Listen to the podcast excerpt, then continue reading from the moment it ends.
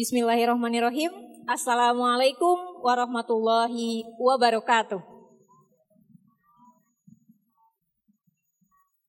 Alhamdulillahirrabbilalamin Segala puji bagi Allah yang sudah mempertemukan kita di event yang sangat luar biasa ini Semoga kita mendapat barokah dari sini Dan tak lupa pula solawat serta salam Marilah kita sanjungkan kepada baginda kita Nabi Muhammad Sallallahu Alaihi Wasallam Karena keteguhannya lah atas izin Allah Kita dapat merasakan keindahan Islam Semoga kita tercatat sebagai pengikutnya yang mencintai Al-Quran hingga yaumil akhir kelak.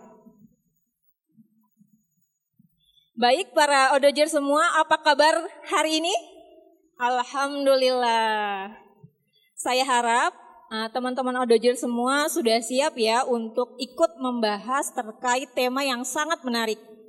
Dalam talk show muslimah ini kita mengangkat tema muslimah membawa perubahan menuju lebih baik bersama dua narasumber kita. Yang pertama adalah Dr. Hajah Oki Stiana Dewi Sarjana Humaniora, Master Pendidikan uh, Anak Usia Dini, serta Dr. Cindy Kurnia Putri. Baik, sebelum saya memulai talk show kita, izinkan saya untuk membacakan kurikulum vitae dari dua narasumber kita yang hebat ini. Yang pertama, Dr. Hajah Oki Setiana Dewi, Sarjana Humaniora, Master Pendidikan Anak Usia Dini. Beliau lahir di Batam 13 Januari 1989. Aktivitas beliau seperti yang kita ketahui, beliau adalah seorang pendakwah, artis, penulis, juga wirausahawan. Ustazah Oki sudah menamatkan program doktoral di dua universitas, yang pertama program Dokter Kajian Islam Konsentrasi Dakwah di UIN Syarif Hidayatullah Jakarta. Yang kedua program Dokter Ilmu Al-Quran dan Tafsir Konsentrasi Pendidikan Berbasis Quran di Institut PTIQ. Pendidikan non formal beliau tidak kalah menarik teman-teman semua. Beliau pernah menjadi mustami' bahasa Arab di Lembaga Bahasa Arab Universitas Umul Qura Mekah, Masya Allah. Kemudian beliau juga pernah mengikuti Muslim Exchange Program, mendapat beasiswa dari Australia Indonesia Institute, dan Ustazah Oki pernah menjadi perwakilan tokoh Indonesia dari tiga negara. Selanjutnya, seperti yang kita ketahui, Ustazah Oki sudah membintangi beberapa film, juga series web. Salah satunya mungkin yang paling teringat di benak kita, beliau adalah Anna Altofun Nisa di Ketika Cinta Bertasbih. Ustazah Oki juga pernah mendapat penghargaan di ajang Indonesia Movie Actor Award sebagai aktris pendatang baru terbaik dan terfavorit dalam karya Ketika Cinta Bertasbih. Kemudian beliau juga pernah masuk dalam nominasi Mom and Kids Award sebagai kategori keluarga kesayangan dalam kategori dalam karya Oki Stiana Dewi Family. Narasumber kita yang kedua tidak kalah hebatnya, yaitu dok, Dr. Cindy Kurnia Putri. Beliau lahir di Batam 28 April 1992. Saat ini aktivitas beliau adalah sebagai seorang dokter, entrepreneur, dan juga motivator. Alhamdulillah, eh, Dr. Cindy sudah dikaruniai satu orang anak, dan beliau, pendidikan beliau Beliau menamatkan program sajana kedokterannya serta program profesionalnya di Fakultas Kedokteran Pembangunan Nasional Veteran. Dan saat ini Ustazah uh, Dr. Cindy sedang menempuh pendidikan pasca sarjana di salah satu universitas di Jakarta, jurusan Master of Hospital Administration. Nah, pengalaman kerja beliau sungguh sangat luar biasa teman-teman, banyak sekali. Salah satunya upgrading knowledge of hormone for healthy aging, kemudian International Scientific Meeting on Cosmetic Dermatology. Jadi lebih ke dokter estetik begitu ya. So, Oke, tanpa mempersingkat waktu teman-teman, kita langsung saja ke kedua narasumber kita ya, uh, Ustazah Oki dan Dokter Cindy. Nah, baik, untuk kesempatan pertama saya akan memberikan kepada Dokter Cindy untuk memaparkan sedikit materi. Kepada Dokter Cindy dipersilahkan. Bismillahirrahmanirrahim. Assalamualaikum warahmatullahi wabarakatuh.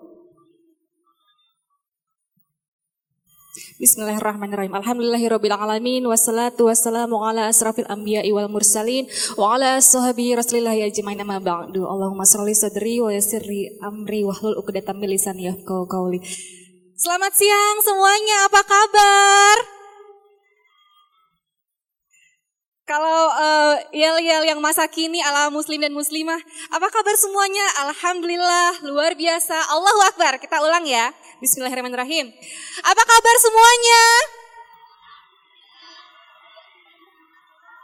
Masya Allah, ternyata saya nggak menyangka sebanyak ini yang hadir yang Boki ya, dan eh, saya merasa bahagia sekali dan bersyukur karena saya mendapat kesempatan untuk hadir di acara yang luar biasa bersama para narasumber yang hebat dan insya Allah kita akan sharing-sharing ringan yang insya Allah akan bermanfaat untuk kita semuanya.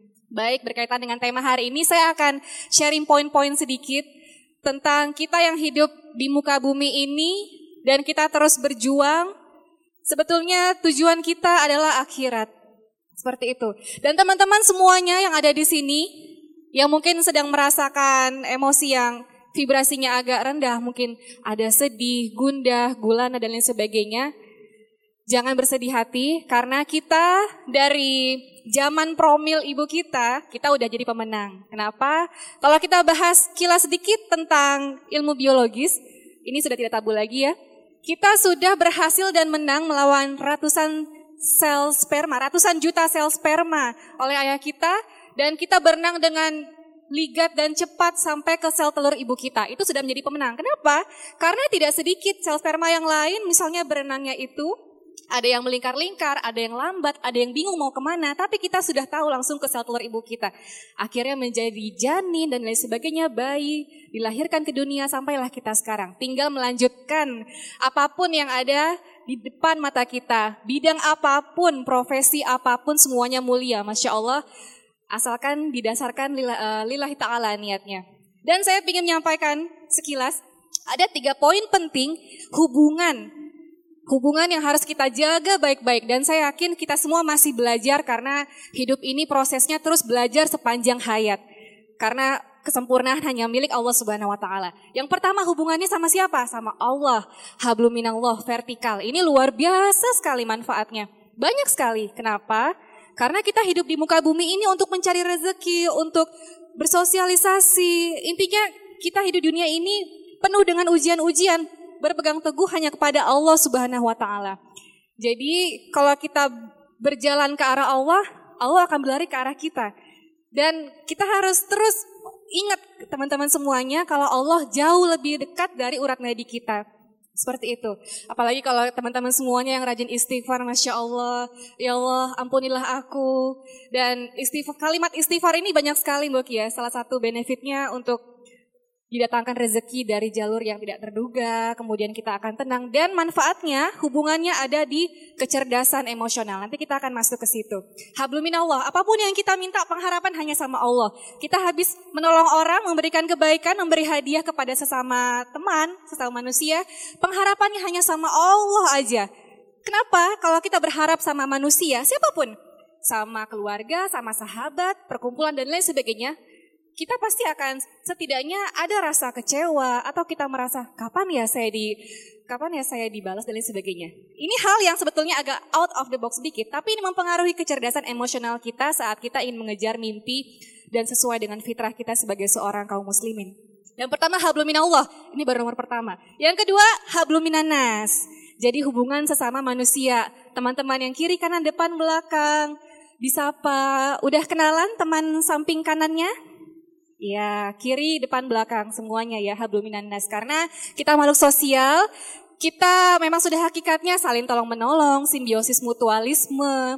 Kemudian kita tidak mungkin hidup sendiri. Acara ini bisa uh, terjadi juga karena bantuan dari para panitia yang luar biasa, narasumber, teman-teman semuanya, hablum nanas. Yang ketiga ini yang paling ribet sebetulnya ya, diri sendiri. Bener nggak ribet? Self love. Kenapa? Karena sebetulnya Musuh terbesar kita adalah diri kita sendiri. Jadi melawan rasa malas itu uh, benar-benar butuh perjuangan gitu ya. Kalau kita lihat orang-orang yang sudah sukses di media sosial, kita untuk bangkit dari kasur aja kadang susah. Nah sebetulnya yang hakikatnya orang yang benar-benar harus kita lawan, bukan lawan ya, kita lawan rasa malas adalah diri kita sendiri. Jadi kalau teman-teman pernah berpikir aku ingin berubah, tapi bla bla bla alasannya banyak. Kalau teman-teman ingin tahu dan misalnya sempat bertanya, siapa sih sebenarnya orang yang bisa merubah hidupku, merubah masa depanku? Jawabannya ada yang tahu? Pintar, Masya Allah. Luar biasa. Jawabannya adalah lihat depan kaca. Berkacalah. Yaitu diri kita sendiri yang bisa merubah. Baik, untuk self-love ini mau saya jabarin sedikit aja ya. Self-love yang pertama ada tiga kecerdasan kecerdasan e emosional, spiritual, dan juga intelektual. Untuk spiritual, Masya Allah yang tadi ya hablum minallah mungkin akan dilengkapi oleh kakak saya, Uma Oki. Kemudian untuk intelektual, Masya Allah luar biasa. Semua yang ada di sini luar biasa, pintar di bidang masing-masing. Ada keahlian di bidang masing-masing. Pasti ada kekurangan, pasti ada kelebihan.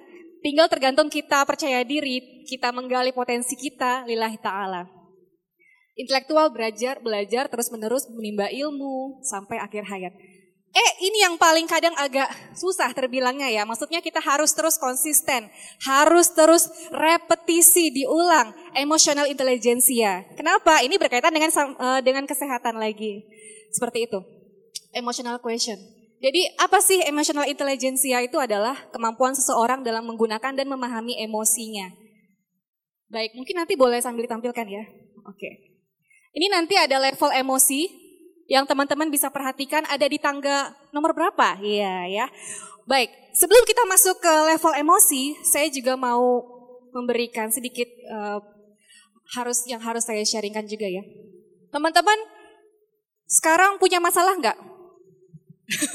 Kalau tanya punya masalah punya ya. Baik, baik seperti ini maksudnya yang mau saya sampaikan adalah Misalnya kita mau mencapai sesuatu, kita mau memberikan perubahan yang lebih baik lagi untuk negara kita, dengan apa pun caranya, langkah-langkah terbaik dengan organisasi dan lain sebagainya. Tapi kembali lagi, back to ourselves lagi, kembali ke diri kita. Sebelum kita bertemu dengan perkumpulan orang-orang yang luar biasa, dan sebidang misalnya, kita reparasi dulu, perbaiki dulu yang ada di dalam diri kita.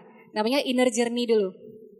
Kalau teman-teman punya misalnya masalah atau yang sedang dicari solusinya dan ada misalnya tekanan batin yang tidak terselesaikan dan apa pun itu pertama percaya kalau Allah tidak akan menguji hambanya di luar kemampuan batas hambanya. Nah ini ada dari psikologi teman-teman.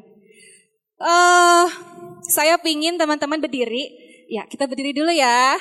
Silakan berdiri biar tidak mengantuk. Baik berdiri, stand up please. Ya kayak Yusuf ya, saya akan ngomong sama Yusuf. Baik, sudah berdiri? Nah, saya ingin teman-teman mempraktekkan karena ilmu itu kalau tidak dipraktekkan akan uh, gampang lupa. Baik, uh, punggungnya tegap.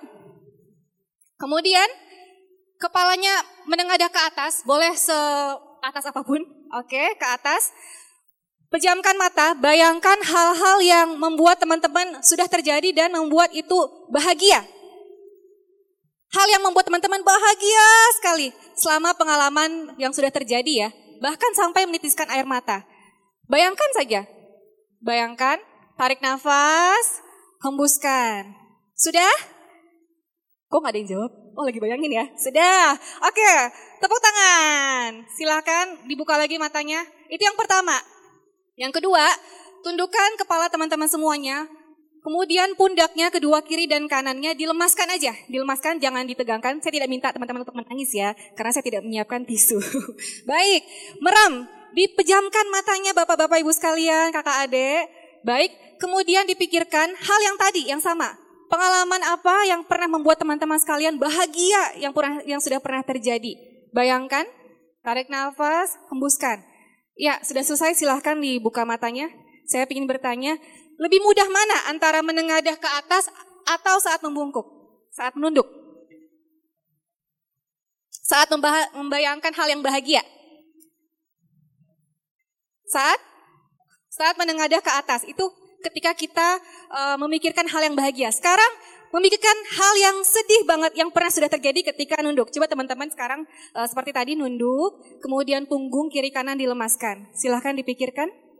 Hal yang paling benar-benar sudah terjadi dan membuat teman-teman bersedih hati, sedih dan kecewa. Sudah? Oke, sudah. Sekarang kita kembalikan uh, yang kedua. Tegap, badannya tegap, postur tubuhnya tegap. kepala menengadah ke atas, kemudian pejamkan mata. Bayangkan hal yang sedih banget yang sudah pernah terjadi. Sampai teman-teman pernah nangis sesegukan waktu itu. Oke, bayangkan. Satu, dua, tiga. Oke, hembuskan. Dan pejam uh, matanya dibuka kembali. Baik, terima kasih. Nah, lebih mudah yang mana saat teman-teman bayangkan kesedihan? Nunduk atau menengadah?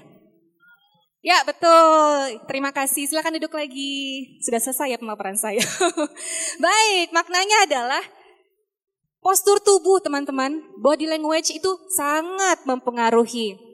Jadi, kalau teman-teman pernah nggak teman-teman melihat orang di luar sana, misalnya lagi putus asa, lagi apatis, tidak peduli dengan lingkungan, banyak sekali masalah luar biasa, postur tubuh juga mengikuti. Nunduk, kemudian kepalanya uh, ke bawah, kemudian tarik nafas agak susah, itu akan semakin deep level emosinya, akan semakin rendah vibrasinya. Dan juga uh, aliran darah juga akan terhambat gitu ya sirkulasinya. Tapi kalau teman-teman lagi sedih, tapi teman-teman berusaha untuk lebih tegap lagi, kemudian postur tubuh ketika berjalan tetap tegap, kemudian maksudnya bukan menengadah kayak gini ya, nanti dikira sombong seperti itu ya. Tetap tegap dan uh, menunjukkan bahwa kita itu manusia yang siap seperti itu. Itu juga secara nggak sengaja akan menekan emosi negatif tadi seperti itu. Begitu juga hal yang sebaliknya. Jadi postur tubuh sangat mempengaruhi. Baik, kemudian self hypnosis. Ini adalah salah satu ilmu yang diajarkan oleh dosen saya, dokter spesialis kesehatan jiwa. Betapa pentingnya kita mensugesti diri, merepetisinya. Kapan nih kak? di terutama di waktu-waktu alam bawah sadar kita lagi aktif. Kalau di kesehatan namanya gelombang alfa dan gelombang theta. Kapan tuh kak? Kak Cindy ya, saya masih muda ya, harusnya bunda. Kapan tuh? Misalnya ketika pertama kita udah mau ngantuk banget. Nah ini kayaknya udah mulai ngantuk ya, mau tidur siang ya. Ini saya pas di sini. Jadi pas mau tidur siang, atau tidur malam sih, itu lebih tepatnya lagi karena puncak-puncaknya mengantuk. Ketika kamu sudah mau mulai mengantuk berat, nah sugestilah apa yang mau kamu kejar, lillahi ta'ala hal-hal yang positif.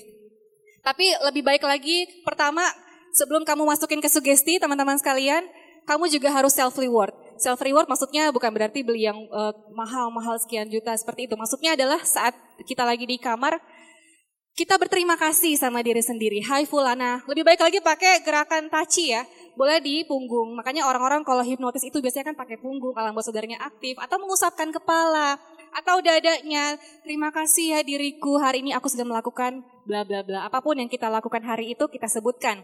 Karena secara nggak langsung kita merasa aku dihargai nih, walaupun sama diri sendiri. Kedua, setelah itu baru kita afirmasikan apa yang mau kita ulang. Lebih bagus lagi kita solawatin, itu luar biasa saat mau tidur. Baru bangun tidur juga sama seperti itu. Jadi cara berpikir kita, pola pikir kita itu menentukan tindakan kita. Tindakan kita itu akan mengubah kebiasaan. Kita adalah apa yang menjadi kebiasaan kita. Kebiasaan kita akan mengubah karakter kita. Karakter kita akan mengubah kenyataan kita. Nah sekarang saya mau masuk juga ke, ini adalah level of consciousness, ini level emosi, teman-teman bisa lihat di screennya ya. Kita masuk ke sini. Ini adalah penemuan oleh seorang dokter dokter spesialis kesehatan jiwa, psikiater dari USA. Namanya Profesor Dr. David R. Hawkins. Ini luar biasa, Masya Allah. Dan ada sekali, banyak sekali hubungannya dengan kesehatan dan kesehatan mental. Kenapa? Karena kesehatan mental itu kalau kita tetap menjaga di level yang stabil, teman-teman sekalian, tekanan darah kita akan terjaga, akan normal, imunitas dan masih banyak lagi. Kalau teman-teman lihat yang paling rendah itu di situ ada apati ya, apatis gitu ya keadaan di mana kita sudah tidak peduli, peduli lagi dengan sekeliling kita. Sebenarnya ada lagi di bawahnya. Ada guilt, ada kesalahan, ada merasa uh, shame juga, merasa malu dan masih banyak lagi. Nah ini maksudnya apa? Jadi teman-teman, ada penemuan juga. Kalau kita menjaga level, ini ada angka-angka. Angkanya maksudnya apa nih kak? Nah ini penemuannya gelombang elektromagnetik namanya. Jadi poinnya adalah sebelum teman-teman mengantuk ya. poinnya adalah pernah nggak sih teman-teman ngerasa dalam sebuah ruangan, ya mungkin dua orang, tiga orang. Dua orang vibrasinya positif. Positif kita bisa lihat ke atas ya. Misalnya ada yang merasa courage itu 200 200 Hz ya. Ini adalah gelombang elektromagnetik frekuensinya sampai ke atas. Itu frekuensinya bagus, vibrasinya positif. Tapi ada satu orang misalnya yang masuk ke level yang rendah nih. Yang apati, yang 50. 50 Hz gitu. Kok ada satu orang yang vibrasinya positif merasa, aku kok merasa sesuatu ya yang kurang nyaman atau kurang enak. Ternyata itu namanya vibrasi. Gelombang elektromagnetik itu merambat dan menular. Tapi siapa yang bisa menularkan? Orang yang positif atau yang negatif? Jawabannya yang mana? Jawabannya tergantung lagi, siapa yang lebih powerful energinya, siapa yang lebih kuat pola pikirnya, keimanannya, semuanya itu berpengaruh. Jadi betapa pentingnya kita menjaga vibrasi. Nah, ada penemuan juga ternyata teman-teman, yang selama ini repetisi berulang kali gelombang elektromagnetiknya di bawah 200 dengan energi yang negatif tadi ya, vibrasinya rendah terus-menerus akan lebih mudah terkena penyakit.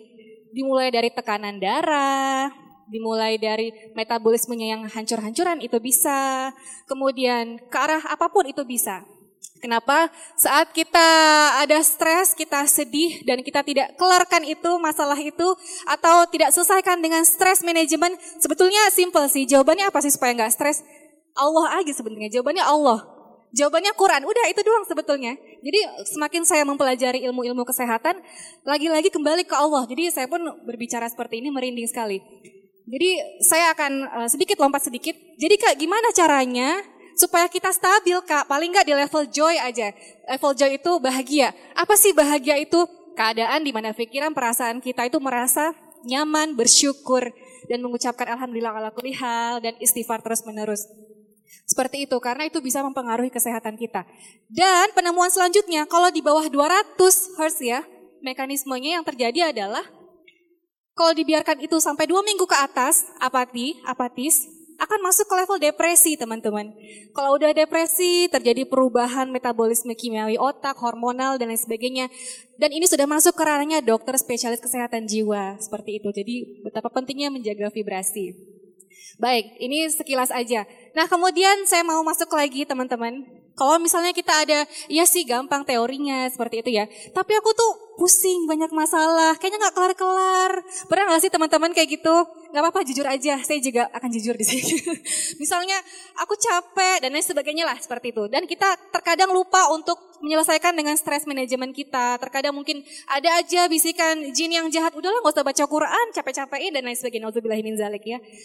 Nah, setelah kalau misalnya kita sudah merasakan itu, ada teknik teman-teman, namanya teknik releasing, teknik releasing ya. Yang pertama allowing. Jadi teman-teman ada yang namanya meditasi kan. Kita bisa lakukan sendiri di rumah, apalagi kalau ada air mancur ya bokinya. Makanya kalau misalnya ada vlog, saya suka air mancur, Masya Allah. Gemericik air atau misalnya ada yang punya burung di rumah, lovebird gitu ya, Masya Allah. Yang pertama, Teknik allowing, helaan nafas. Jadi kalau teman-teman pernah nggak sih tiba-tiba ada trigger depan kita, kemudian buat kita marah ya. Ada misalnya, uh, Masya Allah seorang muslimah, pas mau marah, tarik nafas. Astagfirullahaladzim. Pernah gitu Mbak ya? Masya Allah, ini bagian dari teknik releasing. Saat kita tarik nafas, boleh tarik nafas bareng-bareng, yang panjang, satu, dua, tiga. Sepanjang-panjangnya tahan, hembuskan. Minimal tiga kali. Yang terjadi kita punya sistem saraf, saraf parasimpatis-simpatis, parasimpatis yang rileks. Jadi ketika kita marah, stresor, ada hormon eh, kortisol, adrenalin, tekanan darah akan naik, akan ditekan oleh tubuh kita ketika kita tarik nafas. Begitu ini ya, begitu gratisnya, Masya Allah Allah kasih oksigen ini. Jadi nggak perlu jauh-jauh harus ke mana pun sampai ke kutub utara mencari self healing yang bahagia. Sebetulnya ada di diri kita sendiri. Tergantung kita izinin nggak sih seperti itu self healingnya dengan helaan, tarik nafas yang panjang, hembuskan. Ber, berulang kali seperti itu. Yang kedua lebih baik lagi sambil beristighfar. Jadi kalau misalnya marah, tarik nafas dulu, hembuskan tiga kali. Bisa jadi orang yang di depan kita jadi shock terapi. Ini orang ngapain ya? gitu ya. Tarik nafas, hembuskan, istighfar. Itu akan meredam sepersekian persen untuk emosi kita. Yang kedua, direct question. Jadi direct question ini adalah pertanyaan langsung kepada diri kita sendiri. Jadi kalau kita lagi ada masalah, boleh self talk. Itu nggak disebut sebagai ih aneh ya gitu enggak. Tapi tetap di ruang sendiri gitu ya kalau bisa. Jangan pas lagi rame ngomong sama diri sendiri kan mungkin agak terlihatnya aneh. Saat di kamar seperti itu tanya. Yang pertanya yang pertama adalah, "Hai Fulana, kamu bisa nggak uh, hadapi masalah ini? Bisa nggak gitu? Bisa nggak menyelesaikan?" Jawab aja, bisa gitu ya. Itu bagian dari sugesti. Kemudian yang kedua, kamu mau nggak menghilangkan sedih ini. Kamu mau nggak bahagia? Mau. Kemudian kapan kamu mau bahagia? Sekarang. Ini pertanyaannya simple banget gitu ya. Dan mungkin sepele, tapi kalau kita berulang kali itu akan sangat membuat healing untuk emosi kita akan semakin stabil. Yang ketiga diving in. Jadi menyemali, menyelami, menyemali, menyelami emosi peristiwa. Jadi kalau teman-teman punya peristiwa traumatik yang besar, entah kehilangan orang yang tercinta atau apa pun itu, teman-teman boleh duduk bermeditasi sambil tarik nafas yang dalam hembuskan. Bayangkan peristiwa yang membuat traumatik tadi, selami dan e, rasapi gitu ya. Berulang kali, pasti rasanya awal-awal bakal sakit, bener nggak? Sakit banget, sampai kayak pingin lupain, ulah nggak mau ngingetin lagi gitu. Justru semakin kita mengingati itu, menyelami itu, dan berulang kali lama-lama istilahnya mungkin lebih ke kebal. Jadi akan seperti biasa, releasing. Jadi lama-lama akan rilis. Itu tiga tekniknya. Jadi kalau teman-teman merasakan itu dan juga berulang kali repetisi, itu luar biasa, Masya Allah.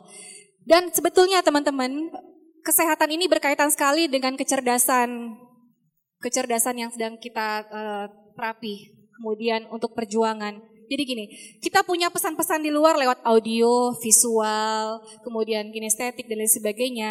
Tubuh kita akan menangkap lewat sistem saraf.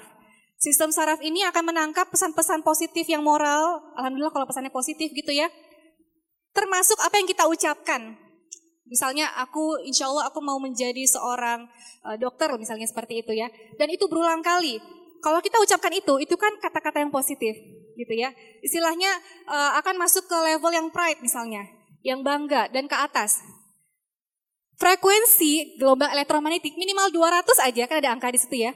Minimal 200 ke atas. Jika kita sebutkan sekali aja, pesan itu akan dibawa oleh sel saraf kita, dibawa ke sirkulasi darah, masuk ke pemompaan jantung, ke kolbu kita, menyebar menjadi gelombang elektromagnetik, dan akan menarik hal-hal baik di alam semesta. Makanya ada namanya law of attraction, jadi hukum tarik menarik, hal yang bahagia akan menarik bahagia. Kamu mau mencapai apa, ucapkan terus menerus. Masya Allah kalau diselawatin luar biasa.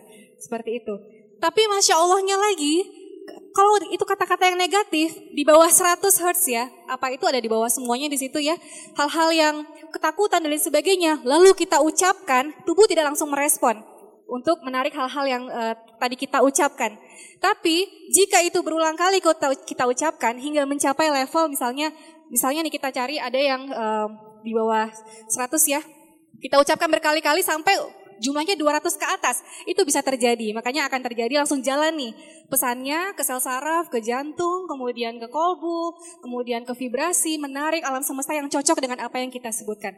Dan ternyata, Masya Allahnya lagi saya melihat ini sesuai banget ada surat yang disampaikan oleh Allah Subhanahu Wa Taala, surat cinta dari Allah ya.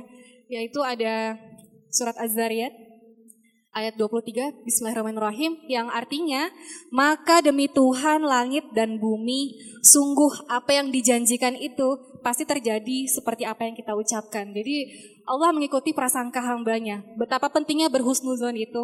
Penting sekali. Dan teman-teman tubuh kita tidak mengenal kata-kata negatif. Tidak, bukan, seperti itu ya. Maksudnya apa sih? Jadi sebisa mungkin kita hindari kata-kata negatif. Karena uh, itu sangat mempengaruhi. Maksudnya apa? Melatih kata. Kalau teman-teman merasa belajar atau bekerja, aduh sulit banget ya. Pernah nggak kayak gitu? Kata-kata sulit itu kan negatif. Kita bisa ganti menjadi tidak mudah ya. Nah, tubuh akan menangkap, tidak itu dicoret di tubuh kita, akan mencari hal-hal yang mudah. Kemudian, apalagi nih, misalnya berat. Aduh berat banget hidup aku, capek deh gitu ya. Jadi beratnya diganti, tidak ringan ya hidupku seperti itu. Sambil senyum pun nggak apa-apa. Ada lagi misalnya benci, naudzubillah ya. Aduh, aku kayaknya benci sama seseorang. Benci, kita ganti dengan apa teman-teman? Tidak senang. Kok aku kurang senang ya sama orang itu? Kan kayaknya enak, lebih lembut gitu ya, lebih sopan seperti itu. Dan juga lupa, misalnya, aku lupa nih, tapi aku tidak ingat. Jadi begitu banyak yang bisa kita uh, perbaiki, reparasi karena kecerdasan emosional penting sekali dan itu sumber kesehatan uh, yang terjadi di hidup kita, di tubuh kita. Dan efeknya adalah kecerdasan di otak kita juga karena aliran darah pun akan lancar. Mungkin kurang lebihnya seperti itu. Wassalamualaikum warahmatullahi wabarakatuh. Waalaikumsalam warahmatullahi wabarakatuh. Pemaparan yang sangat luar biasa dari Dokter Cindy ya, teman-teman ya. Tadi uh, jadi kita sebelum mengubah uh, diri membawa kepada perubahan yang lebih baik harus memulai dari diri sendiri ya, terutama self love itu karena akan membawa kepada sekitar kita. Ketika kita positif, sekitar juga positif seperti itu. Uh, sebelumnya Dokter Cindy saya izin untuk beralih ke Ustazah Oki terlebih dahulu. Uh, Ustazah saya ingin bertanya nih, uh, menurut Ustazah dari pandangan syariah itu fitrah muslimah itu seperti apa sih dan batasan-batasan yang harus kita fahami ketika ingin menjadi sebuah agen perubahan? Baik, Assalamualaikum warahmatullahi wabarakatuh. Belum semangat, boleh semangat yang di belakang. Assalamualaikum warahmatullahi wabarakatuh. Masya Allah, Allahumma salli ala Sayyidina Muhammad wa ala alihi wa sahbihi ajma'in. Yang saya sayangi, saya hormati, uh, seluruh keluarga besar Masjid Istiqlal. Masya Allah, kebanggaan bagi saya, Dr. Cindy dan kami semua bisa berada kembali di masjid kebanggaan kita masjid terbesar se-Asia Tenggara yang begitu megah dengan New Istiqlal. Masya Allah kita ramaikan masjid ini ya teman-teman sekalian dengan berbagai macam kajian-kajian. Yang saya hormati juga untuk seluruh keluarga besar One Day One Jus yang sejak bertahun-tahun istiqamah mengaji satu hari satu jus, betul? Minimal, minimal, betul? Yang saya hormati keluarga besar Darut Tauhid dan seluruh teman-teman juga dari pesantren Tahfidz Maskanul Hufat dan teman-teman yang tidak bisa disebutkan satu persatu. Masya Allah, hari ini kita sudah sama-sama mendengar penjelasan dari Dokter Cindy. Beliau adalah adik saya yang nomor dua. Ada yang tahu adik saya nomor tiga? Siapa? Kok tahu? Dan yang tidak lupa sangat saya hormati ta'dim ya, ada ibu saya di depan. Nah, jadi ibu saya, ibu boleh berdiri mungkin Bu, mohon izin Bu. Nah, ini ada ibu saya nih, boleh dada-dada Bu. Masya Allah. Jadi ibu mengatakan ingin sekali hadir di Masjid Istiqlal selain melihat bangunan yang megah ingin melihat anaknya katanya begitu. Saya sebelum menjawab pertanyaan izinkan saya menyambung apa yang disampaikan oleh Dr. Cindy. Hari ini teman-teman sekalian tema kita adalah membangun negeri. Bagaimana cara kita bisa membangun negeri? Bunda Cindy sudah menjelaskan dengan sangat uh, panjang ya dengan berbagai macam contoh-contoh dan izinkan saya mengkaitkan dengan peran karena ini tadi pertanyaannya tentang muslimah, jadi saya akan mengkhususkan dengan muslimah.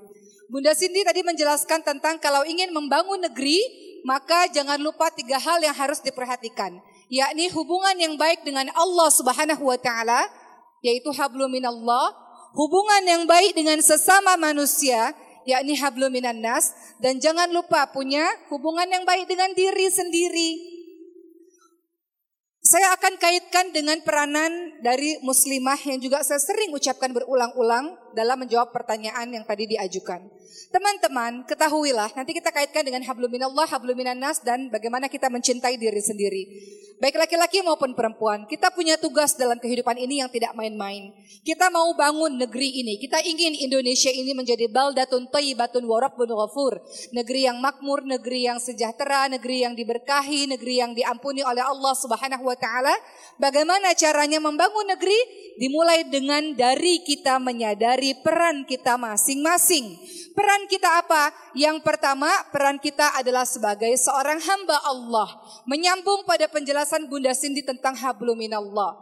Mau bangun negeri, paham dulu. Kita ini diciptakan oleh Allah Subhanahu wa taala sebagai apa sih? Dalam surah Ad-Dariyat ayat ke-56 ada kalimat wa ma khalaqtul jinna wal insa illa liya'budun. Wa ma khalaqtul jinna wal insa illa liya'budun. Dan tidaklah aku menciptakan jin dan manusia kecuali untuk beribadah kepada Allah Subhanahu wa taala. Singkatnya, kalau mau bangun atau mau melakukan sesuatu yang besar untuk negeri, pastikan kita punya hubungan yang baik dulu dengan Allah Subhanahu wa taala. Peran yang pertama adalah kita sebagai seorang hamba Allah. Hamba Allah punya tugas yakni beribadah kepada Allah. Ibadah kepada Allah artinya kita menjalankan segala sesuatu yang Allah ridha, yang Allah suka. Apa pun sebelum kita melakukan sesuatu, diam sejenak dan berpikir, "Ya Rabb, Apakah yang aku lakukan ini membuat engkau ridha ya Allah? Kalau iya, teman-teman lakukan. Kalau tidak, jangan dilakukan. Teman-teman belajar atau teman-teman pergi mengunjungi satu tempat atau teman-teman ingin berucap sesuatu, sebelum melakukan itu pastikan berhenti sejenak dan bertanya kepada diri sendiri, apakah ini bagian dari ibadah kepada Allah? Apakah ini Allah membuat perbuatan yang kulakukan, perkataan yang aku ucapkan membuat Allah ridha? Kalau iya, lakukan. Kalau tidak, hentikan. Jadi seorang mukmin dia banyak berpikir sebelum dia berbuat, sebelum dia berbicara, pastikan semua yang kita lakukan bernilai ibadah kepada Allah Subhanahu wa taala. Ini bisa kalau di diri kita punya hubungan yang baik dengan Allah Subhanahu wa taala. Hablum minallah. Cara punya hubungan yang baik dengan Allah apa?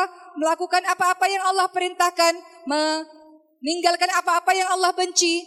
Teman-teman ketika salat teman-teman mengucapkan inna salati wa mahyaya wa mamati lillahi rabbil alamin. Apa artinya? Sesungguhnya salatku ibadahku, hidupku, matiku hanya untuk Allah.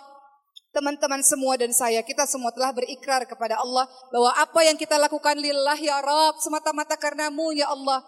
Maka kalau kita ingin bangun negeri, sebelum kita membahas bangun negeri, pastikan kita punya hubungan yang baik dulu dengan Allah Subhanahu wa taala. Dengan berbagai macam ibadah-ibadah, salat, puasa, mengaji, one day one juice, ataupun teman-teman saum ya tadi puasa ya, salat malam dan sebagainya dan perbuatan-perbuatan lainnya.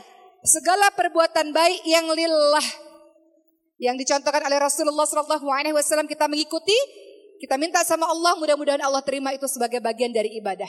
Jadi ingat peran kita yang pertama sebagai seorang hamba Allah, kita tidak diciptakan main-main, tapi kita diciptakan melakukan sesuatu sebagai seorang hamba, mengabdi kepada Robnya.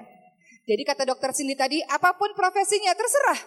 Tetap tugas kita adalah sebagai seorang hamba yang mengabdi, yang beribadah kepada Allah Subhanahu wa taala. Ada ibadah yang tadi salat, puasa, mengaji dan sebagainya, tapi ada ibadah-ibadah lain yang Allah ridha dengan apa-apa yang kita lakukan. Seorang dokter, contoh, saya punya pengalaman ya dan Bunda Cindy juga bercerita bagaimana ketika dulu beliau bekerja di satu pulau dan mengantarkan pasiennya dengan naik speedboat ya perahu ya Bunda Cindy. Dan itu dalam keadaan yang genting. Orang tuanya sudah menangis anaknya sudah berdarah-darah. Dan Bunda Cindy menceritakan pada kami bagaimana beliau juga sebenarnya sebagai seorang dokter. Ada sisi manusiawi yang juga ada rasa sedih, rasa takut, rasa panik. Tapi beliau kemudian mengatakan kami minta para dokter ini dan para tenaga medis minta kepada ibu dan anak tersebut supaya banyak beristighfar, banyak mengingat Allah Subhanahu wa taala. Ini pekerjaan yang kita bisa bilang sebagai pekerjaan sebagai ibadah kepada Allah Subhanahu wa taala. Apa pun profesi kita, mengingat Allah dan mengajak orang lain mengingat Allah bagian dari ibadah kepada Allah. Peran kita yang kedua sebagai seorang hamba yang pertama, kedua sebagai seorang anak teman-teman sekalian. Fitrah kita ini sebagai seorang hamba Fitrah itu maksudnya apa sih teman-teman sekalian? Kita tunduk patuh kepada Allah Subhanahu wa taala, mengembalikan sebagaimana tujuan asal kita diciptakan. Tujuan asal kita diciptakan adalah mengabdi, beribadah kepada Allah Subhanahu wa taala sebagai hamba Allah, yang kedua sebagai seorang anak semua dari kita berapapun usianya kita adalah seorang anak dari orang tua kita. Betul teman-teman sekalian? Banyak ayat-ayat dalam Al-Quran yang berisi birul walidain bakti pada orang tua. Bagaimana caranya supaya kita bisa sesuai dengan fitrah? Ya kembali kepada tujuan asal penciptaan kita. Peran kita sebagai seorang hamba Allah, ya mengabdi kepada Allah, beribadah kepada Allah. Peran kita sebagai seorang anak, tetap beribadah kepada Allah dengan cara bakti kepada kedua orang tua. Banyak ayat-ayat yang bertebaran tentang birul walidain. Teman-teman lihat dalam surah Luqman ayat 13 itu berisi tauhid. Ya bunayya La tusyrik billah inna syirka la adim. Wahai anakku, jangan menyekutukan Allah. Kalau engkau menyekutukan, Allah sebuah kedoliman yang besar. Luqman 14. Teman-teman lihat dalam Quran. Wa wasaina al-insana biwalidayhi hamalathu ummuhu wahnan ala wahnin wa fisaluhu fi amaini adishkur li wali. Kita diminta untuk bakti berbuat baik pada ibu bapak, khususnya pada ibu yang telah mengandung kita dalam keadaan lemah bertambah-tambah. Kita diminta oleh Allah bakti, berterima kasih pada Allah, berterima kasih pada orang tua. Jadi tugas seorang mukmin yang sesuai dengan fitrahnya sebagai seorang anak adalah bakti, taat, patuh kepada kedua orang tuanya. Kenapa disebut ibu itu lebih diucapkan berkali-kali untuk kita hormati ibu-ibu ibu kemudian ayah kata Rasul karena ada pekerjaan wanita yang laki-laki tidak bisa yakni mulai dari mengandung melahirkan menyusui apakah laki-laki bisa tidak bisa. Itu sebabnya Rasul katakan hormati ibu, ibu, ibu, kemudian ayah. Jadi singkatnya fitrah, ingin kembali kepada fitrah, kita tunduk taat kepada Allah, Allah menyuruh kita bakti sama orang tua. Banyak kisah sukses orang-orang di luar sana, tanya rahasianya apa? Rahasianya adalah mereka orang-orang yang bakti kepada kedua orang tuanya. Sebaliknya, kalau ada di antara kita susah hidupnya, susah pekerjaannya, berantakan hidupnya, mungkin ada sesuatu yang menyakit di hati orang tua yang membuat orang tua tidak ridha kepada kita, kalimatnya itulah yang didengarkan oleh Allah Subhanahu wa taala sehingga hidup kita tidak baik-baik saja. Maka kembalilah kepada orang tuamu, minta maaf kepadanya. Kita mau jadi anak yang baik, anak yang saleh, orang yang kembali kepada fitrah tunduk patuh kepada Allah. Kalau begitu apa pun yang Allah perintahkan jalankan, termasuk bakti kepada kedua orang tua. Ketiga, peran kita sebagai seorang hamba Allah yang ketiga sesuai fitrah adalah kalau perempuan sebagai seorang istri, laki-laki sebagai seorang suami. Ada banyak sekali perintah Allah di dalam Al-Quran bagaimana istri bersikap, laki-laki bersikap. Salah satunya dalam surah An-Nisa ayat ke-34. Laki-laki disebutkan a'udzubillahi minasyaitonir rajim ar-rijalu qawwamuna 'ala nisa'i bima faddalallahu ba'dahum 'ala ba'di wa bima anfaqu min amwalihim. Perempuan fas-salihatu qanitatun hafidhatu lil ghaibi bima hafizallah. Laki-laki adalah qawam, dia pelindung, dia pemimpin, dia diberikan kelebihan memang dibanding dengan para wanita. Dia punya tugas untuk memberikan nafkah. Jadi kalau kita mau sebelum kita bangun negeri pastikan juga kita punya rasa kewajiban yang kita ingat sebagai seorang istri maupun sebagai seorang suami punya tugas yang diperintahkan oleh Allah. Laki-laki punya tugas untuk memberikan nafkah kepada keluarganya. Perempuan, apa kata surah An-Nisa ayat 34? Kembali lagi. Ingat teman-teman sekalian fitrah itu kita tunduk patuh pada perintah Allah. Perintah Allah berikutnya saya bagi kepada poin yang ketiga sebagai seorang istri maupun suami. Sebagai seorang istri dalam surah An-Nisa ayat ke-34 Allah Subhanahu wa taala ingatkan perempuan atau istri yang salihah adalah yang taat kepada Allah Subhanahu wa taala dan menjaga diri ketika suaminya tidak ada. Dari sekian banyak ayat, ini bisa menjadi satu panduan bagi kita. Kita baik pada suami, wahai teman-teman yang sudah menikah, bukan karena kita mencintai sangat suami, tapi karena ibu atau teman-teman semua tunduk taat kepada Allah Subhanahu wa taala. Para laki-laki yang sudah menikah memberikan nafkah kepada keluarga bukan hanya sekedar sayang pada istri dan keluarga, tapi mengikuti perintah Allah Subhanahu wa taala. Kembali kepada fitrahnya yang mengikuti apa yang Allah perintahkan, tunduk patuh dengan apa yang Allah perintahkan. Yang keempat teman-teman sekalian, kita punya tugas sebagai seorang ibu maupun ayah Ibu dan ayah juga punya tugas. Allah dan Rasulnya banyak menjabarkan tentang tugas seorang ibu dan tugas seorang ayah. Dalam surah At-Tahrim ayat 6 kalau saya tidak salah nanti teman-teman buka lagi dalam Al-Qur'an Allah Subhanahu wa taala ingatkan a'udzubillahi minasyaitonir rajim ya ayyuhalladzina amanu qu anfusakum wa ahlikum nara wa quduhan nas wal hijarah Wahai orang-orang yang beriman, jagalah dirimu dan keluargamu dari api neraka yang bahan bakarnya manusia dan batu. Orang tua punya tugas, anak-anak kita itu seperti kertas putih, kitalah yang mewarnainya yang macam-macam. Untuk teman-teman yang belum menikah, banyak belajar untuk mempersiapkan diri tidak hanya menjadi seorang ibu, tidak hanya menjadi seorang istri dan suami, tapi ibu dan ayah. Bahwa tugas kita tidak main-main. Apalagi seorang muslimah. Tugasnya tidak main-main. Kalau seorang laki-laki, beliau-beliau menjadi pemimpin luar biasa. Para perempuan-perempuan, beliau menjadi yang menciptakan pemimpin itu. Luar biasanya perempuan-perempuan, Masya Allah. Banyak yang mengatakan seperti ini. Perempuan itu bagai tiang negara. Kalau dia baik, maka keluarganya baik, peradabannya baik, masyarakat negaranya baik. Tapi kalau perempuan rusak, bagaimana dia bisa mendidik anak-anak itu dengan baik? Maka perempuan dia menciptakan para pemimpin teman-teman sekalian. Bukan perkara yang main-main. Maka kalau kita ingin membangun negeri, mulailah dengan diri kita sendiri dengan menjadi hamba Allah yang baik, dengan menjadi seorang anak yang baik, dengan menjadi seorang istri atau suami yang baik, dengan menjadi seorang ibu atau ayah yang baik.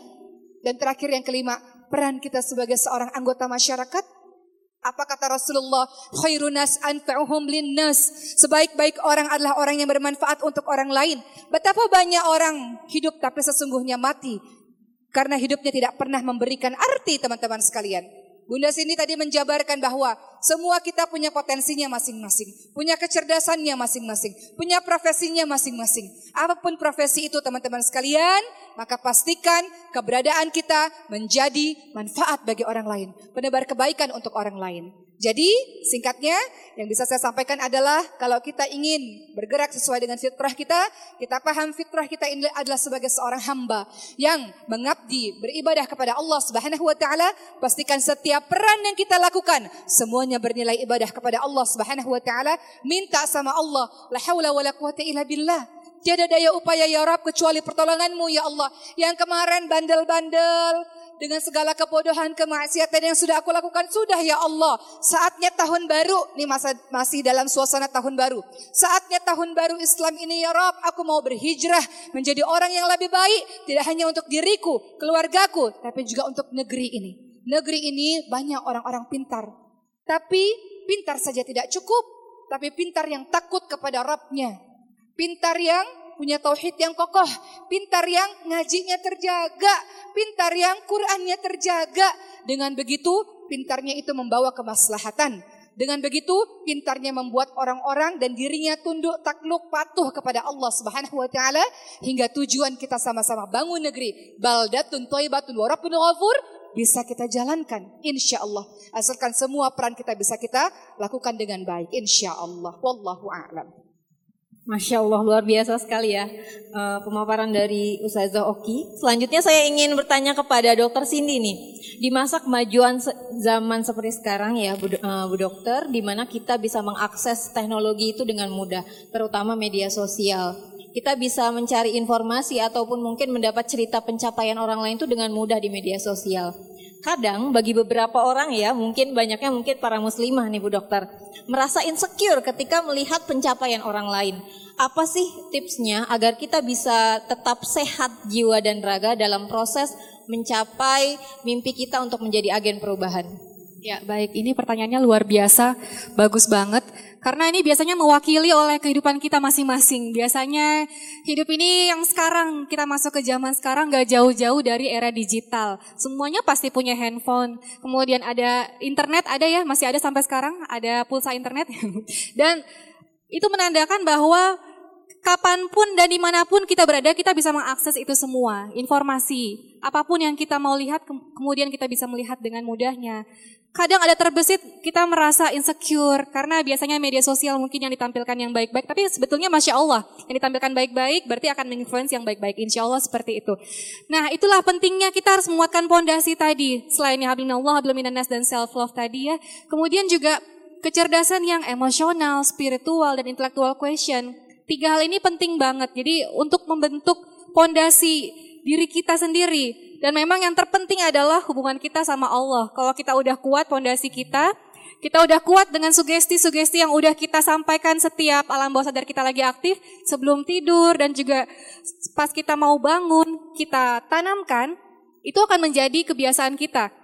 Karena kembali lagi cara berpikir kita akan mengambil atau menentukan tindakan kita. Tindakan menentukan lagi kebiasaan, kebiasaan menentukan lagi karakter. Jadi kita harus menguatkan dulu sebetulnya kebiasaan kita, pola pikir kita, tujuan kita, kita mau mencapai apa sih sebetulnya. Jadi sebetulnya saya sebetulnya agak um, saya setuju sebenarnya ada film yang pasang 5 cm di depan kita seperti itu ya. Itu salah satu bentuk afirmasi positif tetap aja kita fokus sama tujuan yang mau kita capai. Tentunya lillahi ta'ala hubungan baik sama Allah terus kita ulangi repetisi dengan cara baca Al-Quran, sholat ibadah yang uh, sholat yang wajib, yang sunnah, apa pun kita kerjakan untuk menguatkan. Ya Allah kuatkan hamba, kuatkan hamba untuk menuju ke satu tujuan. Jadi kita nggak akan mudah ke trigger dengan kiri, kanan, depan, belakang. Insecure, biasanya kata-kata insecure ini uh, lagi ini ya, lagi tren biasanya zaman sekarang ya. Insecure, kemudian apalagi itu self healing dan masih banyak lagi itu normal sebetulnya manusiawi. Kita pernah merasakan insecure. Oh dia dia lebih dia lebih dari aku dan lain sebagainya. Tapi ingat kita sama-sama manusia. Kita punya 24 jam waktu yang sama. Tidak dibedakan. Yang membedakan hanya iman dan takwa. Jadi kejar Allah aja. Dan insya Allah self confident kita akan lebih naik daripada insecure kalau kita mendekatkan diri sama Allah. Apalagi dahsyatnya nikmatnya sholat malam. Sepertiga malam sholat tahajud kalau kita biasakan insya Allah setiap hari sepertiga malam kita rencanakan itu untuk bangun, Saya pernah uh, ada cerita, saya pingin uh, bangun di sepertiga malam, tapi tanpa misalnya tanpa alarm, tanpa uh, memakai tools apa pun. Tapi saya pingin sugesti, saya niatkan nanti jam sepertiga malam, misalnya jam 2 pagi, jam setengah tiga pagi, saya pingin bangun dan saya ingin uh, melaksanakan sholat tahajud itu. Entah kenapa setiap malam itu sepertiga malam tiba-tiba terbangun dan itu hilang ngantuknya. Jadi luar biasa betapa besarnya sugesti, afirmasi positif. Jadi itu kembali lagi ke diri kita, sugesti kita, afirmasi positif kita, hubungan kita sama Allah, habluminana semuanya itu pondasi terbaik kita. Dan konsep dari ilmu law of attraction tadi, hukum tarik menarik, doa pertama. Doa dengan yakin. Doa itu kan kita menengadah, kita berharap, pengharapan hati kita berarti hidup. Kemudian kita ucapkan, lagi-lagi apa yang kita ucapkan akan menjadi kenyataan. Pertama doa, kedua yakin. Kita berdoa dengan penuh pengharapan, yakin Allah akan mengabulkan. Jadi positive thinking, yakin. Kemudian ketiga, kita siapkan. Udah siap belum diri kita untuk mencapai sesuatu ya. Kalau kita udah siap bersiap, kemudian kita rencanakan, planning. Jadi bukan let it flow, tapi kita menentukan langkah-langkah apa aja yang bisa kita capai untuk target tersebut seperti itu. Jadi semua itu dan take action ya, semua itu bisa mempengaruhi rasa insekuritas kita menjadi self confident yang lebih mantap lagi insya Allah. Allah alami Oke, jadi kita harus fokus afirmasi positif dan jangan lupa tiga hubungan tadi ya teman-teman. Nah selanjutnya saya ingin bertanya kepada Ustazah Oki nih. Jadi tadi kan Ustazah sudah menjelaskan terkait fitrah ya. Jadi uh, menurut Ustazah, kontribusi real apa sih yang bisa dilakukan oleh seorang muslimah untuk membangun negeri ini? Kontribusi apa yang kiranya bisa dilakukan oleh muslimah untuk membangun negeri? Sebelumnya teman-teman sekalian, yakinlah bahwa semua kita cerdas. Allah tidak menjadikan semua orang harus jadi apa? Tidak semua orang harus jadi dokter, tidak semua orang harus jadi pilot, tidak semua orang harus jadi artis, tidak semua orang harus jadi profesi-profesi tertentu. Semua berbeda-beda. Allah memberikan kecerdasan kepada semua hambanya. Kalau kita lihat teori pendidikan sekarang ya uh, namanya teori Gartner ada multiple intelligences bahwa setiap orang punya kecerdasan yang berbeda-beda. Ada yang dia punya kecerdasan interpersonal, temannya banyak, gampang bergaul. Ada yang dia punya kecerdasan kinestetik, dia suka bergerak tuh kayak adik saya Ria Ricis ya, asal bergerak aja jago Nah, dia orang-orang yang suka bergerak, dia punya kecerdasan kinestetik. Ada orang yang punya kecerdasan, misalnya kecerdasan logika matematika, matematikanya jago. Tapi ada orang punya kecerdasan verbal linguistik, bahasanya pintar. Semua orang punya kecerdasan yang berbeda-beda teman-teman sekalian. Allah subhanahu wa ta'ala memberikan setiap orang itu cerdas. Tinggal tugas kita menemukan kita ini cerdasnya di mana ya. Setelah itu asah kecerdasan itu, dan jadilah bintang di tempat kita masing-masing. Kami bertiga kakak beradik, kami punya tugas yang berbeda-beda. Mungkin saya memang lebih senang dalam bidang pendidikan, khususnya bidang agama. Dokter Cindy senang dalam bidang kesehatan. Richie senang dalam dunia kreativitas misalnya. Atau teman-teman punya kakak adik, itu semuanya mungkin beda-beda. ya. Teman-teman semua, semua orang cerdas kalau dia asah kecerdasan itu. Tapi yang paling penting adalah awalnya teman-teman harus tahu dulu saya ini potensi minat bakatnya ada di mana. Kadang-kadang kita nggak tahu. Kadang-kadang teman kita atau guru kita yang lebih jeli bisa melihat itu. Teman-teman asah itu. Teman-teman yang sudah jadi orang tua dan termasuk saya kita punya tugas untuk secara jeli melihat potensi minat bakat anak-anak kita itu apa. Kemudian kita support minat bakat anak-anak kita itu apa. Nah setelah itulah baru kita bisa melakukan maksimal kepada sesuatu yang kita cintai. Betul nggak teman-teman sekalian? Apa sih pekerjaan yang paling menyenangkan? Hobi yang dibayar, betul?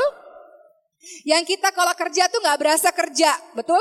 Bukan kalau kita kerja ngelihat jam, aduh jam berapa ya, kapan kelarnya ya, atau kita lihat kalender kapan ya tanggal merahnya ya, kapan ya hari ahadnya ya, hari liburnya. Bukan begitu. Kita mau kerja yang kita nyaman, yang kita senang. Dengan begitu kita maksimal dan mengerahkan segala potensi yang ada pada diri kita. Jadi kalau tadi pertanyaannya, apa ya kontribusi yang bisa dilakukan oleh seorang muslimah? Setiap muslimah beda-beda. Setiap muslimah itu luar biasa. Ada mereka yang sukanya menulis. Maka jadikanlah tulisan-tulisan itu sebagai tulisan-tulisan dakwah, mengajak orang-orang kepada Allah Subhanahu wa taala. Ada orang yang sukanya menggambar, maka pastikan buatlah baju-baju yang sekiranya membuat orang-orang bisa menutup aurat dengan baik.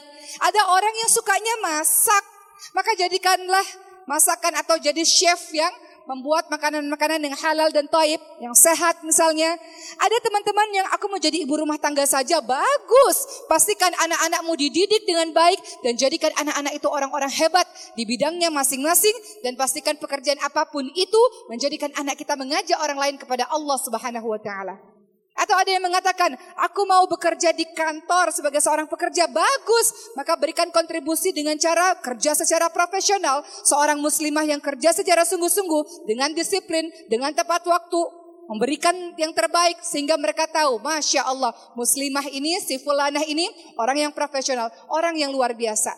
Banyak kok teman-teman sekalian. Kita lihat ya bagaimana kalau kita lihat di luar negeri, juga banyak sekali. Kita lihat orang-orang yang berjilbab, mereka melakukan berbagai macam profesi, dan orang tahu dia seorang muslimah dengan pakaiannya yang menutup aurat dengan rapi, tapi mereka profesional. Mereka kerja dengan baik, mereka berkualitas. Jadi kalau pertanyaannya, bagaimana cara muslimah membangun negerinya? Teman-teman sendiri yang bisa menjawab. Apa pun itu amanah yang Allah berikan kepada teman-teman. Baik sebagai, tadi saya katakan peran-peran kita ya, amanah-amanah kita. Jadi anak, jadi istri, jadi ibu, bagian dari anggota masyarakat, ibu rumah tangga, ibu bekerja. Pastikan pertama, kalau mau bangun negeri, pastikan lillah. Dengan lillah nggak akan capek. Kenapa nggak capek? Semua kebaikan yang teman-teman lakukan, Mau dilihat orang, nggak dilihat orang, mau dipuji, nggak dipuji, nggak ada masalah. Karena kita lillah, mengharapkan redha Allah. Fama ya'mal mithqala dzarratin khairan yarah. Kebaikan sebiji zarrah Allah balas. In ahsantum ahsantum li anfusikum. Kebaikan yang engkau lakukan akan kembali kepada dirimu. Semua akan bersaksi di hadapan Allah tentang amal salih yang engkau lakukan di muka bumi suatu hari nanti. Jadi kalau mau bangun negeri, lillah. Yang kedua, mau bangun negeri, cinta Cinta apa? Cinta kepada apa-apa yang kita kerjakan.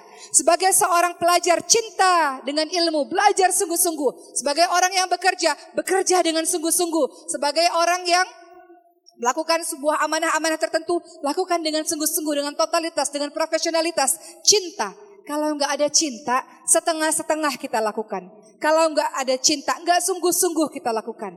Cinta Kemudian yang ketiga, bisa kalau kita berjamaah. Kita bisa bersama-sama. Maka bangun negeri sesuai dengan potensi, minat, bakatnya teman-teman semua. Silakan profesinya apa pun, tapi tujuannya sama. Kita mau bangun bangsa Indonesia yang kita cintai ini bersatu dengan orang-orang yang hebat di dalamnya, orang-orang yang berkualitas di dalamnya, orang-orang yang takut kepada Rabbnya. Kenapa kita bisa takut kepada Allah? Karena teman-teman baca Al-Quran, teman-teman tadabur Al-Quran, teman-teman hayati Al-Quran, teman-teman hafalkan Al-Quran. Teman-teman akan takut kalau berbuat hal-hal yang dibenci oleh Allah SWT. Maka jadilah diri teman-teman sendiri dengan berbagai macam profesi, kita semua tujuannya sama. Tinggal menunggu waktu nanti, mudah-mudahan semua dari kita dipanggil dengan kalimat Ya ayatuhan nafsul mutmainnah irji'i ila rabbiki radiyatan mardiyah fadkhuli fi ibadi wadkhuli jannati. Semangat dalam membangun negeri bersatu padu jangan berpecah-pecah. Fokus kepada apa yang hendak kita lakukan dengan melakukan yang terbaik dan kita berharap agar akhir hidup kita dipanggil dengan kalimat wahai jiwa-jiwa yang tenang kembalilah kepada Allah dengan hati yang ridha dan diridhoi oleh Allah. Masuklah ke dalam golongan hamba-hamba Allah. Masuklah ke dalam syurganya Allah. Terakhir dari saya, almarhum ayah kami pernah berucap, yang dimaksud orang sukses adalah mereka yang pertama, dalam hidupnya senantiasa menebar manfaat apa pun profesinya, apa pun amanah yang diberikan, lakukan hal-hal yang bermanfaat untuk para muslimah, engkau punya tugas mendidik generasi-generasi anak-anakmu, orang-orang sekitarmu, menciptakan para pemimpin-pemimpin yang takut kepada Robnya, tugasmu dan tentu saja tugas ayah. Jadi yang pertama adalah bermanfaat bagi orang lain. Kedua, engkau bisa disebut sukses kalau engkau mati dalam keadaan khusnul khatimah, mati dalam keadaan baik dan ingat Allah mematikan kita sesuai dengan kebiasaan kita. Orang yang hari-harinya di masjid bukan tidak mungkin matinya di dalam masjid. Orang yang hari-harinya baca Quran bukan tidak mungkin mati dalam keadaan membaca Quran. Betul? Sebaliknya orang-orang yang di luar sana yang melakukan hal-hal maksiat mungkin matinya dalam keadaan maksiat. Jadi orang itu sukses kalau dia mati dalam keadaan husnul khatimah. Dan ketiga sukses kalau engkau masuk surga teman-teman sekalian. Jadi Mudah-mudahan kita bersemangat. Hidup ini bukan persoalan diri sendiri. Kita selesaikan urusan diri kita sendiri dengan tadi self love yang tadi Bunda Cindy ceritakan. Bagaimana kita menjadi orang yang percaya diri, bagaimana kita menyayangi diri sendiri. Kita selesai dengan urusan diri kita sendiri hingga kita bisa berkontribusi untuk negeri ini sesuai dengan kapasitas kita masing-masing. Insya Allah. Baik, uh, jadi teman-teman ketika kita ingin membangun negeri, temukan potensi, lejitkan dan pastikan kita harus bermanfaat untuk orang lain. Begitu ya Ustazah ya. Oke teman-teman kita sudah sampai di sesi akhir talk show ini. Uh, sepertinya tidak afdol ya jika kita tidak mendengarkan closing statement dari dua narasumber kita yang luar biasa. Mungkin dari Ustaz Dr. Cindy dulu. Baik. Pada intinya adalah kita harus mengetahui dan menyadari hidup di dunia ini hanya sementara. Hidup kekal di akhirat. Jadi penuh akan penuh datang ke ujian baik itu yang bahagia atau sedih tapi apa pun itu masalah kita, pertama karena kita yakin Allah tidak akan menguji di luar batas kemampuan hambanya, kita pasti bisa melewati ini asalkan kita dekat sama Allah. Lakukan hal-hal yang positif, ibadah-ibadah, kebaikan-kebaikan, salat malam dan lain sebagainya. Karena insya Allah akan dimudahkan. Allah mayasawalatu asir, ucapkan itu dan insya Allah akan dimudahkan. Kemudian kalau teman-teman, saya ingin menyampaikan ini sedikit karena agak tadi tertinggal. Ada istilah skala. Kalau teman-teman misalnya menghadapi sebuah masalah rasanya rumit sekali seperti itu, ada namanya skala diperkecil, skala diperbesar. Skala diperkecil, misalnya teman-teman menghadapi sebuah masalah rasanya mumet banget, besar banget, ini masalah astagfirullahaladzim gitu ya.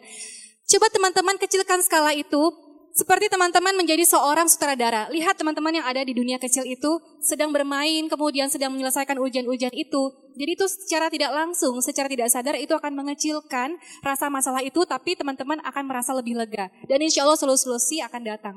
Solusi-solusi. Kemudian yang kedua, kalau teman-teman sedang fokus ingin mengejar sesuatu, skala diperbesar. Jadi bayangkan atau fokus ke sebuah masalah itu atau yang ingin kita kejar, itu akan lebih besar konsentrasinya.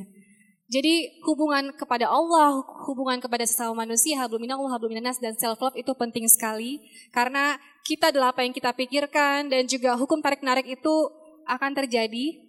Tetapi kembali lagi ingat Allah tidak akan meninggalkan kita selama kita berlari ke arah Allah. Innallaha masobirin.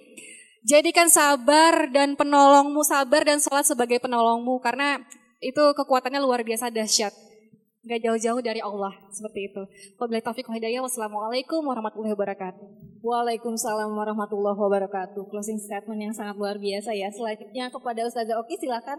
Teman-teman, mohon izin dan mohon maaf sebelumnya. Saya yang berbicara juga sedang belajar, kami sedang belajar. Tapi kita sama-sama ingat teman-teman sekalian, saya ingin menyambung beberapa hari lagi insya Allah kita memperingati 17 Agustus tahun 45 ya. Kita memperingati Dirgahayu kemerdekaan Indonesia. Betul teman-teman sekalian? Yang ke 77 tahun, betul ya? Makanya ini semuanya berbusana merah-merah salah satunya mungkin karena hendak menyambut Dirgahayu kemerdekaan Indonesia ke 77 tahun. Tak terasa Masya Allah Indonesia ini telah merdeka selama 77 tahun. Teman-teman sekalian kalau dulu kita membangun negeri, kalau dulu ya eh, saudara-saudara kita di zaman dulu mereka betul-betul memperjuangkan tanah air ini dengan ikut membela Indonesia dengan peperangan yang luar biasa. Namun caranya berbeda dari tahun ke tahun dan hari ini kita berbeda. Kita tidak harus melakukan tumpah darah, tapi kita bisa melakukan sesuatu untuk membangun negeri ini. Indonesia di dalamnya adalah bangsa yang besar dan kita semua adalah orang-orang um, yang terkenal dengan gotong royongnya, dengan ramah tamahnya. Kita terkenal dengan kita berbeda-beda, tapi kita tetap satu jua. Maka teman-teman sekalian, setelah panjang kita membahas bagaimana cara membangun negeri, bangsa ini akan besar. Kalau kita tidak terpecah belah. Bolehkah kita bersatu teman-teman sekalian, Beneka Tunggal Ika, berbeda-beda tapi tetap satu. Kita saudara, ukhuwah Islamnya, sesama muslim kita bersaudara. Di Indonesia kita juga punya agama-agama lain, bahkan Masjid Istiqlal berseberangan dengan uh, tempat ibadah agama lain. Kita punya agama yang berbeda-beda di Indonesia ini. Tapi juga tetap menghormati. Lakum dinukum waliyadin. Kita saling menghormati, kita saling menghargai. Pun kita dengan manusia-manusia lainnya yang tinggal dari berbagai macam negara, kita pun adalah saudara. Saudara sesama manusia. Maka mudah-mudahan dalam membangun negeri ini tidak akan pernah bisa terbangun negeri ini. Bangsa yang besar, Indonesia yang kita cintai tanpa persatuan di dalamnya. Mari kita eratkan ukhuwah Islamiyah di antara kita, persaudaraan sesama bangsa Indonesia, persaudaraan sesama manusia. Kita eratkan ukhuwah ini, persatuan Indonesia ini, kita jadikan bangsa ini bangsa yang besar karena kita saling bergandengan tangan. Boleh teman-teman sekalian? Dengan cara tidak uh, ikut-ikutan dalam hal-hal yang sekiranya menebar kebencian, hoax yang kita tidak tahu itu tentang apa, atau kita tidak paham tentang apa, kita bergandengan tangan, kita mau negeri ini besar kalau kita bersatu insya Allah. Bisa ya teman-teman sekalian, kita minta sama Allah subhanahu wa ta'ala bahwa kita tidak boleh terpecah belah. Ada sila ketiga dalam Pancasila, yakni persatuan Indonesia. Kita bersatu, dengan bersatu kita besar. Dengan bersatu kita bisa bangun negeri ini, negeri yang kita cintai sama-sama. Yang kita ingin semuanya tinggal di sini dengan adem, dengan tentram, dengan nyaman. Boleh teman-teman semua? Selain kita mulai dari diri kita sendiri dengan melakukan berbagai macam peran yang sudah kita bahas, mari kita bergandengan tangan untuk saling bersatu. Kita fokus dengan tujuan yang besar untuk membangun negeri ini dengan keilmuan yang kita punya, dengan kapasitas yang kita punya di masing-masing bidang kita.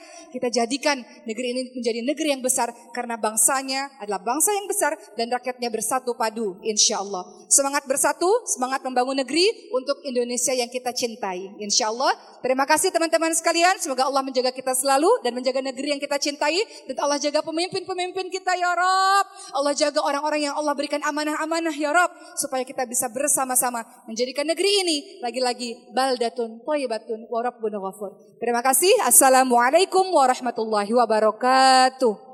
Waalaikumsalam warahmatullahi wabarakatuh. Closing statement yang sangat menggugah ya teman-teman. Jadi kalau saya analogikan sebuah lukisan itu bisa indah karena terdiri dari titik-titik warna yang bercampuran. Jadi mari kita bersatu untuk membangun negeri ini dengan segala peran kita. Begitu ya Ustazah ya? Oke kita sudah sampai di sesi akhir talk show muslimah. Saya mengucapkan terima kasih banyak kepada dua narasumber kita yang luar biasa. Boleh kita takbir bareng-bareng. Allahu Akbar. Allahu Akbar. Oke, terima kasih Ustazah jika boleh dan juga dokter.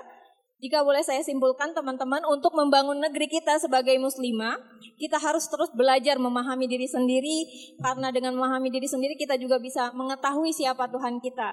Jadi kita harus terus belajar, bertumbuh agar kita bisa terus berdampak.